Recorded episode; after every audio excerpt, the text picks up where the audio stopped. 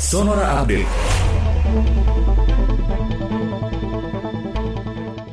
Menteri Tenaga Kerja Ida Fauziah memastikan tidak ada pungutan biaya untuk pengurusan dan pencetakan kartu kuning atau kartu tanda bukti pendaftaran pencari kerja. Menurutnya, di beberapa daerah masih ditemukan praktik pungutan biaya untuk pembuatan kartu kuning. Ia pun meminta kepala dinas untuk tidak mempersulit proses pembuatan kartu kuning dengan memberikan pelayanan yang baik dan maksimal. Sebagai informasi, peningkatan permintaan pembuatan kartu kuning di daerah yang terjadi baru-baru ini dipengaruhi adanya persiapan pendaftaran calon pegawai negeri sipil.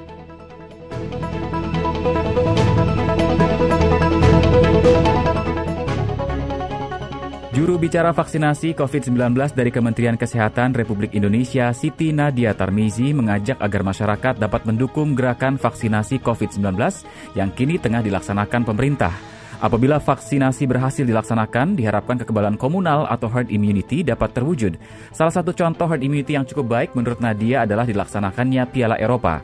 Nadia mengungkapkan penyelenggaraan Piala Eropa dapat berlangsung karena seluruh penonton dan pihak penyelenggara sudah divaksinasi.